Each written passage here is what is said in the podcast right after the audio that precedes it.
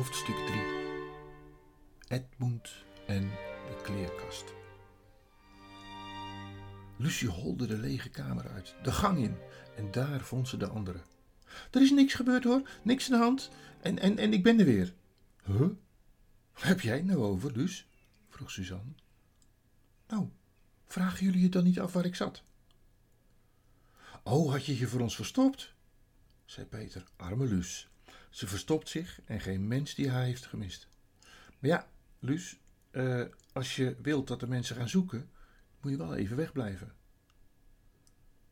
Ik ben uren weg geweest, zei Lucie. De anderen keken elkaar verwonderd aan. Hm, getikt, zei Edmund en wees op zijn voorhoofd. Die is volkomen getikt. Wat, uh, wat bedoel je eigenlijk, Luus? vroeg Peter. Nou, wat ik al zei, toen ik in die kleerkast binnenging, hadden we net ontbeten en daarna ben ik uren weg geweest. En ik heb het avondeten net gehad en, er is van alles gebeurd. Luus, stel je nou niet aan, zei Suzanne. We zijn zelf nog maar nauwelijks de kamer uitgekomen. Toen wij er waren, was jij er nog bij. Hé, hey, maar ze stelt zich niet aan, zei Peter. Ze verzint gewoon een leuk avontuur voor ons, hè, Luus? Dat zal het zijn. Maar dat mag best hoor. Nee, Peter, ik heb het niet verzonnen, zei ze.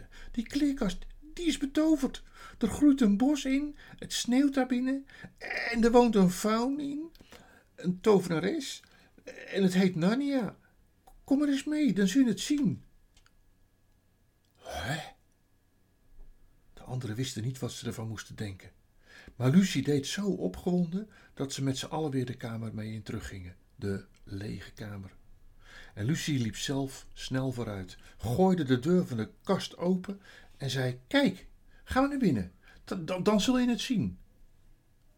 Suzanne stak haar hoofd naar binnen en duwde de bontjassen opzij. Wel nee, Suffie. Het is gewoon een gewone kleerkast. Kijk maar, daar heb je de achterkant al. En ze keken allemaal naar binnen, duwden de jassen aan de kant en ze zagen, Lucie zelf ook, ze zagen een heel gewone kleerkast. Zonder bos, zonder sneeuw, zonder faun, zonder gewoon niks. Een achterwand met haken. En Peter stapte naar binnen, klopte met zijn knokkels tegen, er tegen de wand aan om te voelen of het wel echt gewoon hout was. Nou, je hebt ons mooi voor de gek gehouden, Luus, zei hij terwijl hij weer naar buiten stapte. Ik moet eerlijk zeggen dat we er bijna waren ingetraft. We geloofden je bijna. Maar ik probeer jullie helemaal niet voor de gek te houden. Echt, eerlijk waar niet, daarnet. Het, was, zag er zo anders uit. Eerlijk, eerlijk, echt, echt heel anders, echt waar. Kom, Luus, zei Peter. Nou moet je niet overdrijven. Het was een leuk geintje, maar nou moet je ophouden. Luus kreeg een kleur als vuur en probeerde nog iets terug te zeggen, al wist ze zelf eigenlijk niet goed wat ze had willen zeggen. En ze barstte in tranen uit.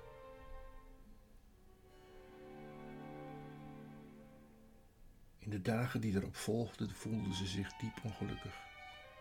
Ze had natuurlijk heel gemakkelijk weer goed kunnen maken met de anderen als ze zichzelf maar had kunnen dwingen om tegen hen te zeggen dat het hele verhaal een grapje was. En dat ze het allemaal had verzonnen. Ja, maar Luus wilde ook niet oneerlijk zijn en, en wist heel zeker dat ze gelijk had en daarom kon ze het niet opbrengen om dat te zeggen. Ze vond het heel naar dat de anderen dachten dat ze had staan liegen en dat ze het bovendien ook nog een onzinnig verhaal vonden. De oudste twee hadden er geen erg in. Die bedoelde het niet zo kwaad, maar die Edmund die kon treiteren. En in dit geval deed hij dat ook. Hij hield haar voor de gek, maakte haar belachelijk en vroeg telkens weer of ze nog nieuwe landen had ontdekt in een van de kasten. Er waren genoeg kasten in huis. Wat het allemaal nog akeliger maakte, was dat het juist heerlijke dagen had kunnen zijn. Het was mooi weer buiten. Ze waren s ochtends vroeg tot s avonds laat buiten. Ze zwommen, visten, ze klommen in de bomen, lagen wat te luieren in de hei, maar Lucie kon nergens meer van genieten. En zo ging het door totdat het op een dag weer regende. En die dag, het was intussen al middag. En het zag er nog steeds niet naar uit dat het weer beter zou worden besloten dus een verstoppertje te gaan spelen. Suzanne zou hem zijn. En zodra de anderen alle kanten wegliepen om zich te verstoppen, ging Lucie naar de kamer waar de kleerkast stond. Niet dat ze zich in de kast wilde verstoppen, Ze wist best wel dat het gehele gezeur dan weer van vooraf aan zou beginnen, maar ze wilde hem toch nog één keer goed van binnen bekijken. Want nu begon ze zichzelf langzamerhand ook af te vragen of het hele verhaal van Narnia en die vrouw niet had gedroomd. Het was zo'n groot en ingewikkeld huis. Er waren zoveel goede plekjes om je te verstoppen, dat ze eerst nog eens best gauw in de kleerkast kon kijken voordat ze zich ergens zou gaan verstoppen. Maar nauwelijks was ze bij de kleerkast of ze hoorde voetstappen dichterbij komen. Buiten op de gang. En toen zat er niets anders op. Ze sprong de kleerkast in en hield de deur achter zich dicht.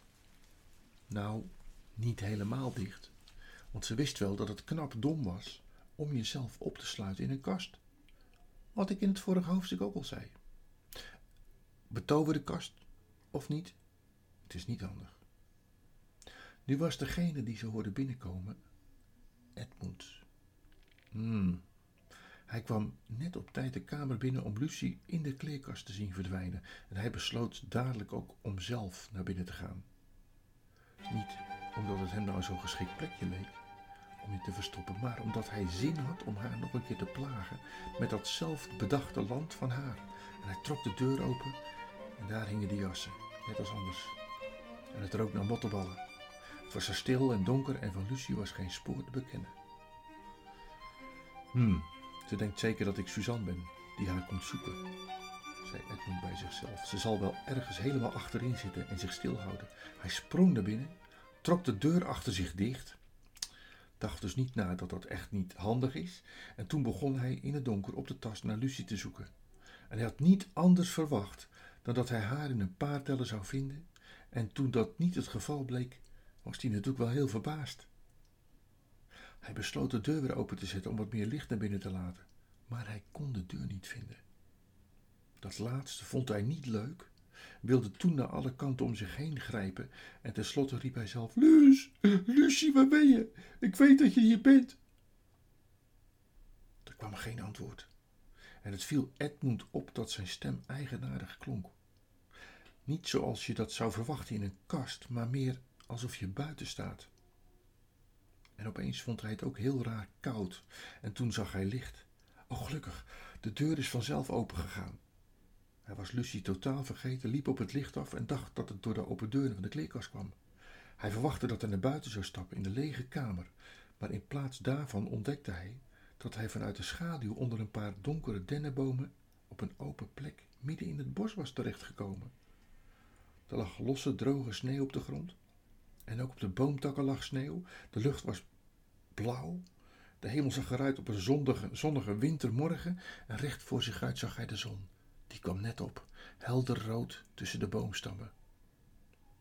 Om hem heen was het volmaakt stil, net alsof hij het enige levende wezen zou zijn in een land. Er was tussen de bomen zelfs geen roodborstje, geen eekhoorn te zien, niks. En het bos strekte zich uit aan alle kanten, voor zover hij kon kijken. Hij huiverde. Oh ja, nu schoot het hem weer te binnen dat hij eigenlijk op zoek was naar Lucie. En hoe lelijk hij ook tegen haar had gedaan over dat verzonnen land, dat hij bovendien nog echt bleek te bestaan, dus moest ze ergens vlakbij zijn, in de buurt. En daarom liep hij de bossen in en begon te roepen: Luus, Lucie, ik, ik ben hier ook, ik ben het, Edmund. Geen antwoord. Hmm, ze is natuurlijk kwaad om wat ik de laatste tijd allemaal tegen haar gezegd heb. En hoewel hij er nog niet veel voor voelde om zijn ongelijk toe te geven, voelde hij er nog minder voor om in dit vreemde, koude, stille bos alleen te blijven. Dus riep hij nog maar eens: Lus, het spijt me dat ik niet wou geloven. Ik, zie dat je, ik zie nu wel dat je eigenlijk altijd al gelijk hebt gehad. Kom, kom nou maar tevoorschijn en laten we maar weer goed zijn met elkaar. Geen antwoord. Echt een meid, zei Edmund. Die, die zit natuurlijk ergens te mokken en, en, en dan bied je excuus aan en, en dan wil ze het niet goed maken. Oh, oh, oh, oh. Hij keek nog om zich heen en besloot dat hij er niet veel aan vond hier. Hij was juist van plan om weer naar huis te gaan toen hij in de verte belletjes hoorde rinkelen. Hij bleef staan luisteren en het geluid kwam steeds dichterbij, totdat hij tenslotte een arreslee zag aankomen. die werd getrokken door twee prachtige rendieren. Rendieren zijn ongeveer even groot als uh, ponies, zeg maar. Zien er prachtig uit, mooie gewei. De vacht zo wit dat zelfs de sneeuw er nog nauwelijks wit bij lijkt. En de grote vertakte geweien waren bedekt met een dun laagje goud en schitterden zo in het licht van de opkomende zon dat het wel leek of die in brand stonden zo mooi. Ze hadden een tuig aan van bloedrood leer met belletjes. En de rendieren werden gemengd door een dikke dwerg die bovenop de slee zat en die ongeveer een meter lang moest zijn als hij rechtop zou staan. Hij droeg een jas van ijsberenbont en op zijn hoofd had hij een rode puntmuts. Onderaan de punt hing een lange gouden kwast. En zijn enorme baard hing tot over zijn knieën en diende tegelijkertijd als deken. Maar achter de dwerg, midden in de slee op een hogere bank, zat iemand die er heel anders uitzag. Een voorname dame die langer was dan alle vrouwen die Edmund ooit had gezien. Ook zij was tot haar kin toe in wit bont. En in haar rechterhand hield ze een lange kaarsrechte staf van goud en op haar hoofd droeg ze een gouden kroon. Haar gezicht was wit, niet gewoon bleek, maar spier, spierwit. Zeg maar zo wit als sneeuw, zo wit als een stukje papier. Alleen haar mond was vuurrood. Ze had op zichzelf een mooi gezicht, maar ze keek zo hooghartig en zo koud. Het was een prachtig gezicht zoals de slee op Edmund afkwam. De belletjes rinkelden en de dwerg knalde met zijn zweep en de sneeuw stoof aan alle kanten opzij. Halt! zei de dame en de dwerg trok zo hard aan de teugels dat de rendieren bijna achterover vielen. En toen ze van schrik bekomen waren, stonden ze ongedurig te kauwen op hun biet en te snuiven, en de adem die uit de neusgaten kwam, zag er in de vrieslucht uit als rook. En wie ben jij wel, als ik vragen mag? zei de dame terwijl Edmund scherp bekeken werd.